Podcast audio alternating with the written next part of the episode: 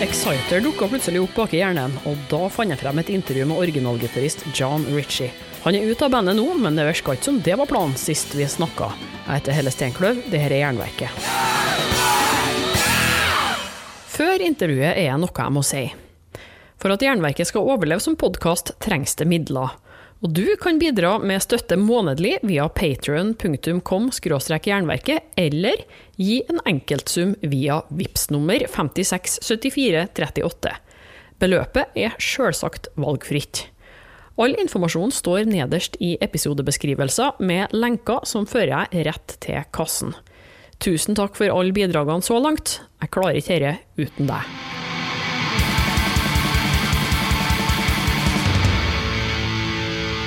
It's, it's difficult because no radio stations want it. So you just yeah, I mean, and, you know, the power hour we went from three hours to one hour to canceled. well, that was you know, that's the way it goes, you know. it's yeah, sad. yeah. Well, Canada's totally different from this part of the world. I mean, as far as trends, if if if hard rock and heavy metal starts to phase off and another trend of music starts to fade in, that's it. They forget about rock and heavy metal. Gone. They don't even dedicate a little bit of time to it. You know, that's the way it is. But in Europe and you know this part of the world, Scandinavia, like there's a there's an audience for each style of music. You know, country music, heavy metal music. You know, pop music. You know, rap. That's everyone. All those markets do well. It's hmm. not like that in North America. It isn't. No. So it's very It's like, very trendy. You know. with just one uh, genre that's on top each time, uh, like every tenth year. That's right. Like, if you're if you're playing music, in a particular genre of music, and it's not what's in at the moment, you're gonna have a hard time trying to be successful. But you know, we've always just our attitude with Exciter was like, we do our stuff.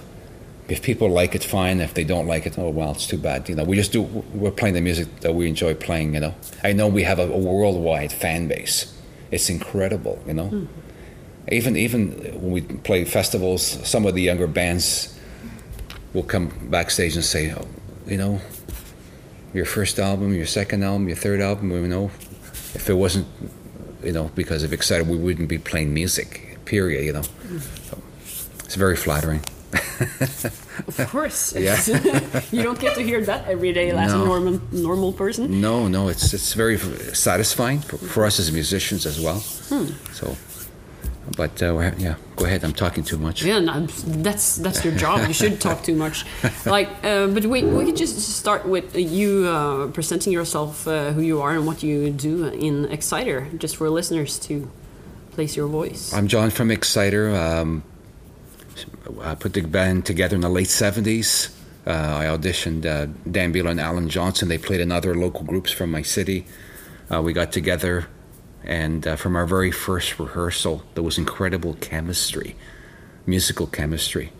And, uh, you know, I knew the band was destined for greater things. So, um, you know, we've been playing, you know, right to this day, you know, 2017, still as enthused and um, about our music like we've always been. So, you know, excited for us is like a lifetime achievement goal. So we're still trying to, still trying to achieve that goal.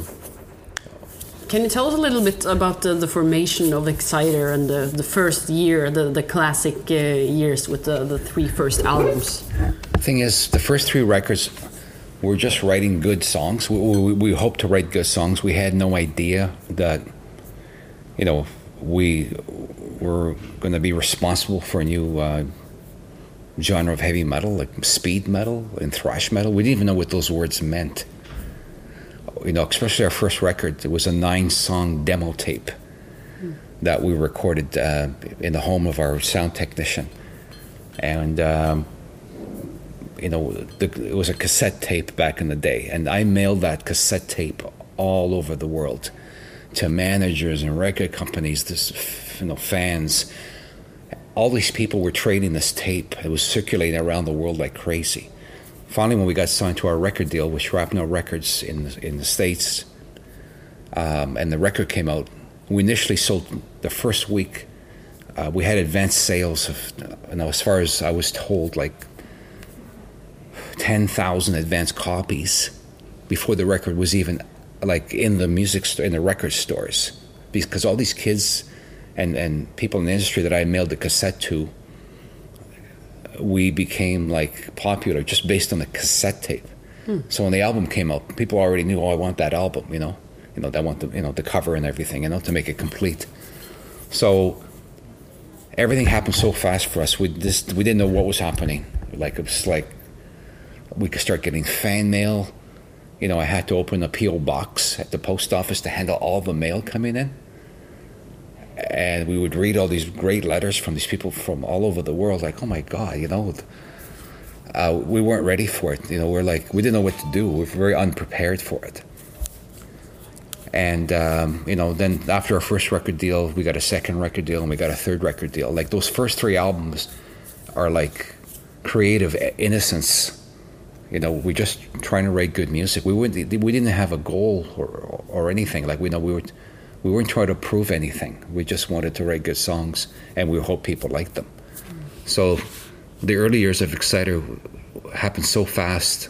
I remember every detail back then. You know, like it was like it was yesterday. Mm-hmm. But um, but it's made us like a much more confident band today. I mean, it took us many many years to become confident playing our music, you know, because it's. Uh, you know, to get on stage and play your music is very nerve wracking because you have all these people that you're trying to impress. And, you know, but we're much more comfortable with ourselves today mm. than we were because now we know, you know, what we've done and how many people we've influenced around the world. So now we're, you know, we're very comfortable in our own uh, role as a musician. But at that time, when you were young rock stars, it must have been quite an impression or a bit frightening to be rock stars just over the night like that. That you you were like selling those many yeah. copies just before the album even was out. That's it was. How do you deal with that as a just a normal young guy playing an instrument? You know, we um, we were unprepared, like I mentioned, but um, we didn't really grasp how influential we were until we started playing live shows outside our country. Mm. We started playing in the U.S. and, and in Europe, and you know, you know, we were playing at the time, you know, medium-sized venues, and we were headlining, and the you know, the, you know, the venue would be sold out. It's like, oh my god, you know what? then we realized, you know, and then, you know, we'd have fans waiting outside at the hotel room, a hotel entrance, waiting for us, and meet and greet autograph sessions before the show at the venue, and it's like. Um, like I mean, it was hard to handle, and you know, there were times where there was a lot of tension within the band because everyone's a rock star all of a sudden. You know, we got three rock stars, and everybody's has their own idea of you know what success should be. So sometimes you know there'd be friction and a little you know between the band members, but you know what? It, we always got over it. Mm. So it was hard to handle in the, in the in the beginning, you know. But in the uh, on the other hand, it's it's a dream come true. You know, every musician, a young person that starts to play music and the, you know they want to play in the band and travel. You know, it's like a mm. dream come true. So we welcomed all that success. You know. But you were the first one to to leave the band.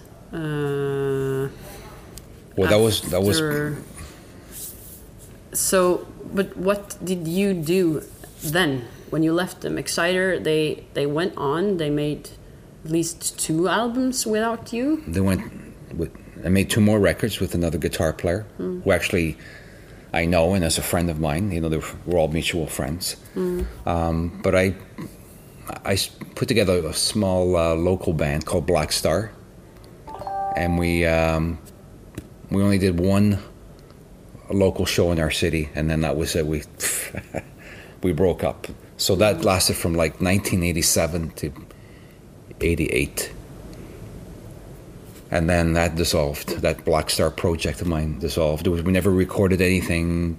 We wrote original material, but it was, I would say, it was a little was a little more progressive than Exciter is, you know, hmm. because I was sharing the songwriting with the other guys in this Black Star project, so the musical taste was a little bit different. But that dissolved in '88, I believe '88. Then in 1990, I regrouped with. During that time, actually, that I had Black Star and Exciter continued, they dissolved also around that time as well. Hmm. 1990, I, re- I call up the drummer Dan Beehler. You know, I, I say, let's get back together. Let's do it all over again.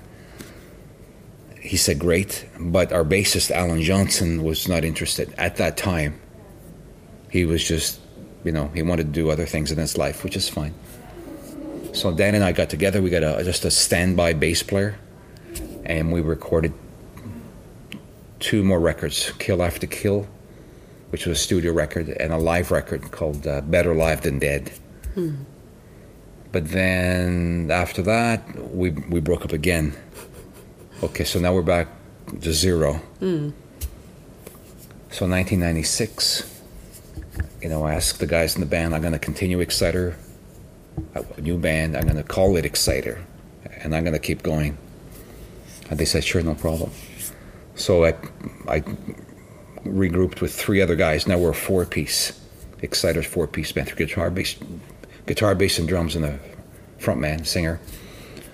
And we continue for the next 20 years recording. You know, we have, we've got a record deal in France, then in Germany, and we kept touring around Europe and the United States. That dissolved hmm. in 2013.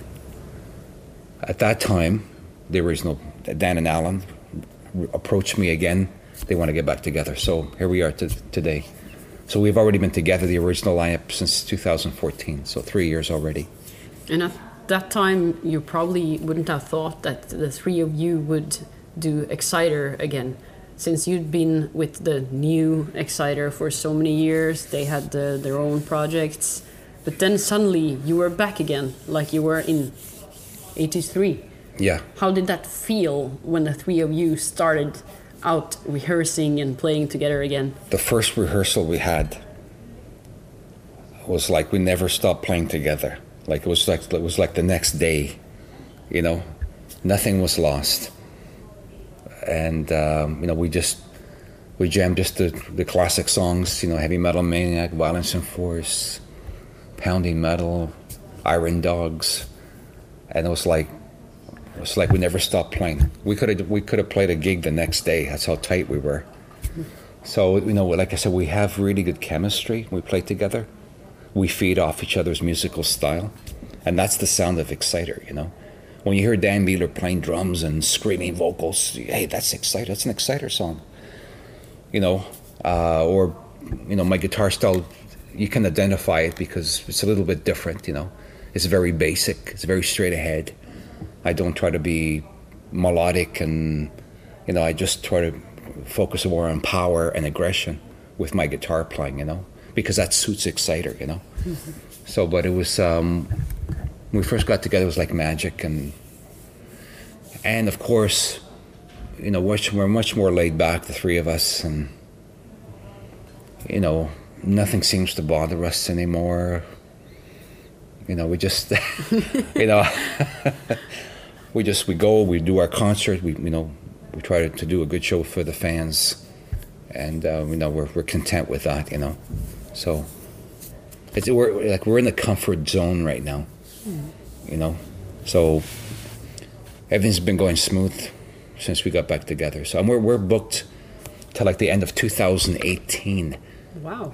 I have, like, I handle most of the band's business, but my email is continually going off with invites to play around the world, like South America, Japan, Los Angeles, Spain. Like, it's it's so nice just to sit back and, and these promoters they want you to play, you know, like they want you. So it's we're kind of like in this comfort zone at the moment. Yeah.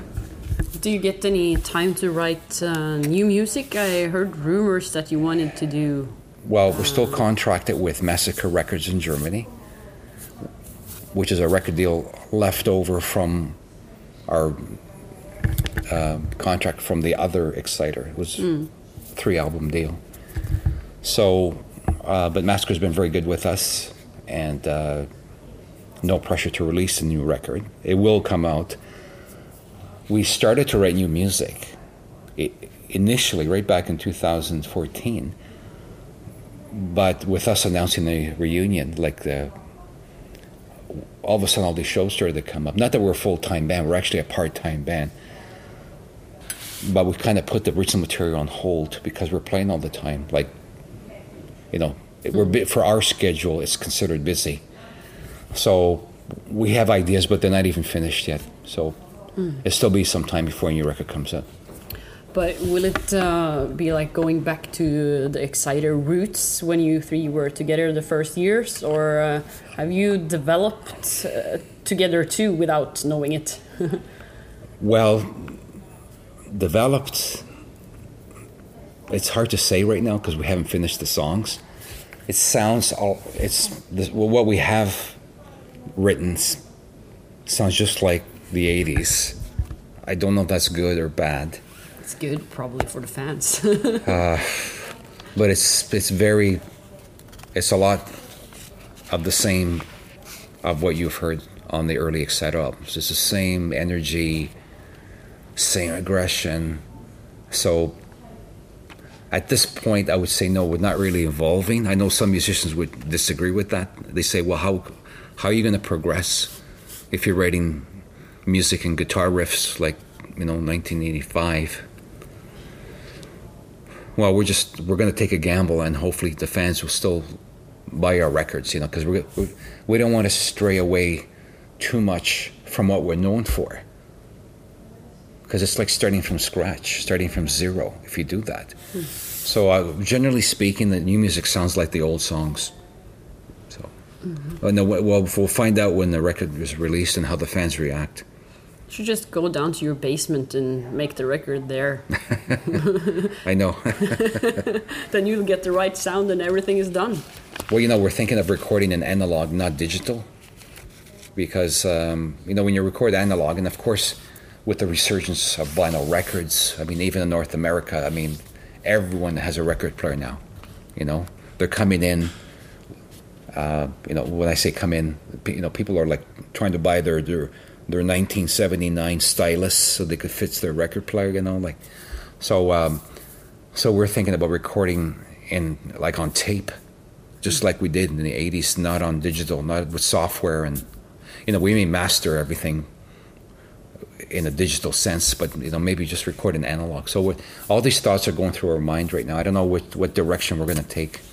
It's exciting, though, just to have these thoughts now. What what will happen with us in the next few years? I know, I know. It's uh, either either we're going to stay the same level, like you know. I think I'm not trying to downplay Exciter, but you know we're this underground band that everybody likes, but we never had commercial success. Like like some of the bands we played with in the '80s are like superstars now, like superstars, and we're just the same.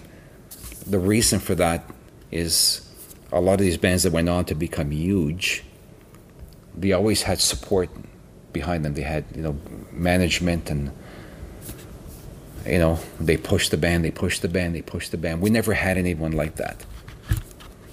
Like we approached many managers and agents and, you know, but no one had the dedicated dedication to push us to a higher status.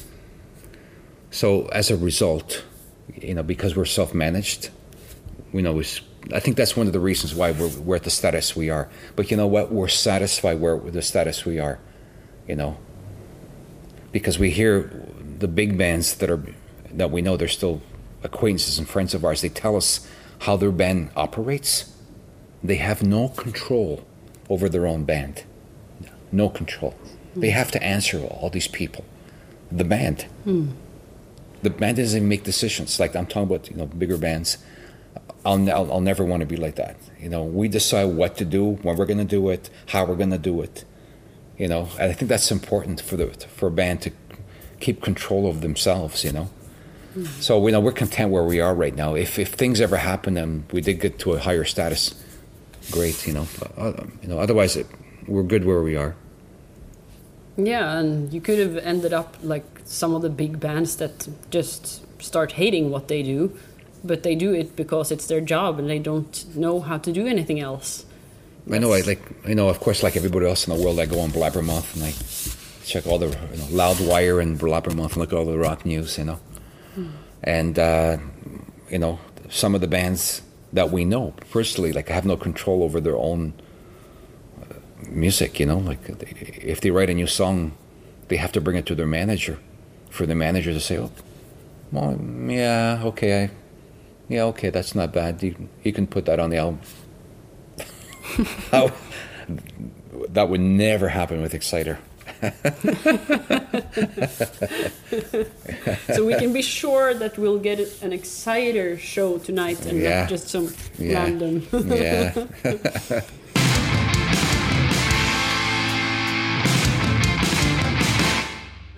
Being in a band in in the the 80s and uh, going on for all these years, do you have any specific good memories Oh from God. the time on the road? There's so many memories. I could talk for hours. Yeah, can you just Um, pick out uh, one or two, maybe maybe one really good one and one Spinal Tap one? Spinal Tap? uh, oh. Um, well, I usually don't like to talk about the other bands or funny moments because, you know, before I ask them if I can talk about it on the radio. it depends on how bad it is. well, it's not. It's nothing bad. I Um, could cut it out if it's. Yeah. It's not bad. No, it's not bad. Um, oh, what? Okay, I'm just trying to think of a funny moment. The okay, okay. This is not about anybody in particular. okay. We were on tour with Accept in uh, March 1985, and um, we had uh, because a couple of stories. So the last gig on the tour was the Hammersmith in London, the grand finale to the whole 10-city European tour with Accept, and of course, um, the Hammersmith has this great reputation around the world, one of the famous venues, you know. And we were tired. We were on the tour bus, and we hadn't showered in two or three days. You know, so you feel pretty grungy. So we, we thought, okay, we'll just take a shower at the venue, the Hammersmith Odeon. Well, we, we get backstage, and backstage is there's like um, the backstage area is like different floors, like the first floor, the second floor, the third floor, and there's dressing rooms, which is all in the backstage area. You have access to the stage through any of those hallways and fl- the floors that you're on. Oh, Anyways, so we get our dressing room, you know, exciter. So we go in, and you know, I don't see any showers. So I said, "Oh my God!" But I see this little sink with a water tap, and um, Said, "Geez, there must be shower somewhere in the backstage, uh, like in this area." So I go up and down the hallway. I'm trying to get someone's attention, like the, the security people walking around, and said, "Excuse me, excuse me." I asked one security, I, I don't see any showers on the. He goes, showers? I say, yeah, like a shower. Well, there's no showers here. There's no showers. This is the Hammersmith Odeon, famous place. There's no showers. He says, there's no showers. He says, you can try. There's a bar at the end of the hallway. They had like a little bar. You can have a drink for the bands, like a little. They might have a shower there. So I don't, I don't want to go into this bar to take a shower, like if they have a shower. So, anyways, I ended up, you know, I wanted to wash my hair at least. So, picture this spinal tap moments. I'm in the sink, in this little tiny sink with my head underneath the water trap trying to wash my hair. it was funny at the time, but it was, you know, it was kind of spinal tapish. yeah, you would expect Hammersmith. to no showers. Anyways, that was uh, like a funny, funny story. And um, oh, anyways, we yeah we we had a good time. That's and other moments. Um, ah, we toured with Mercyful Fate uh, in the '80s. Exciter, Mercyful Fate, and Motorhead, and. Uh, we got to become very good friends with Motorhead guys and all you know King Diamond and Michael and Hank and everybody and and um, so we like to pull practical jokes on King Diamond. so um, the guys in the, the guy the guys in the Mercyful Fate wanted to play a joke on on uh, King Diamond. So you know, King Diamond comes out at the time, I, and I hope he does. He wouldn't mind me talking about this because I know I know him, but it's just funny. Yeah. And um, he would come up with his cross. He had like a, a skull bones cross uh, attachment to his mic. You know, he'd be going, he'd be singing, and all the grand entrance, the first song. You know, but I can't remember what they did. I think some of the guys in this band put um, sneezing powder or uh, some sort of power to make him sneeze and be irritated. And um, I, I told the guys in Mercyful Fate, "You're not going to do that, are you?" He says, "Oh yeah, we're going to." I forget what they put on this skull bone microphone, the prop. so then, you know, he'd go out and he start, you know, and then uh, he'd get all agitated and, you know, he'd start to sneeze or his eyes would start to water. so I hope that was just for the sound check. no, no, that was during the show. so the, when they came on, we were on the side of the stage, seeing what was going to happen. so you know, the Mercyful Fate come on stage, and he, King Diamond comes out and he starts singing, and he's like, he's going, you know, can tell he's, you know, and then he looks over at us, and he looks at, us, at his band, and everyone's kind of like, kind of laughing, you know, as a good as a good humor joke, and he was like, you know, he, he's shaking his head, he's all. You know, oh my God, Sneezing it's and funny. singing. That was a funny story. Oh, Yeah, that's good story. yeah, hopefully the guys don't, uh, uh, you know, mind me saying, telling that story, but it's funny. Yeah, the, there were audience there too, so it's Yeah. not a secret then. Yeah, no, it's it was funny. It's funny. But um, what about uh, we already talked for um, soon? It's half an hour. Oh. So um, maybe we should uh, pick out some songs for the show because uh, when I uh, cut this interview, I'll mix it with songs, and the songs should be songs that you've picked your favorites. Like there must be one Exciter song, and maybe 10 or 11 other songs from other bands you like. well, I mean, you know, tomorrow night we're playing this festival, Beyond the Gates. I mean, one of our classic songs is called Beyond the Gates of Doom, and I don't know if the festival name is based on our song title, but uh, but uh, Beyond the Gates of Doom is a wicked song. You know, heavy, dark, fast, ex- classic Exciter song. And um, as far as other bands, oh, It's a I difficult mean, question. It's a difficult question. Uh, just the usual. I mean, we're influenced by a lot of '70s British wave of new heavy metal. So we uh, Saxon Wheels of Steel, Grinder, Judas Priest, The Mob Rules, the song, the song, you know, Black Sabbath. You know, again, Ace of Spades, Motorhead. Uh, the Chase is better than the Catch, Motorhead. Um, Painkiller, Judas Priest, Heaven and Hell, Black Sabbath, Metal on Metal, Anvil, they're good friends of ours. That's a good song. Um, as far as Canadian metal, like that's that's a sensitive question with me. It, you know, generally speaking, I mean the the, the bands, metal bands that came up like us. Um, there's only a few that I like and respect, like the, the Razor, Anvil, uh, Sacrifice, you know, all those guys. Um, Hell's Bells, ACDC. You know, like I listen to all kinds of music, you know, like let's say the more known metal and then more the underground metal, you know, but uh, you could say I'll- something that's not metal too, if you. oh god, yeah, I like I like everything. Uh, oh my god. I like jazz, you know, I like blues, I like everything. I like Moondance by Van Morrison. That's a cool song, you know, because it brings me back to a memory when I was in high school. And, uh, you know, just in this high school I went to, at lunchtime, we had an hour, and all my friends used to, we used to go to one of their houses to have lunch, but actually party and drink beer, and then go back to school. So this uh, one girl, uh, like a whole bunch of friends, and this we usually go to this one girl's house, and she put on Van Morrison. She loved that album like, with Moondance, and it's the first time I heard Moondance. Mm-hmm.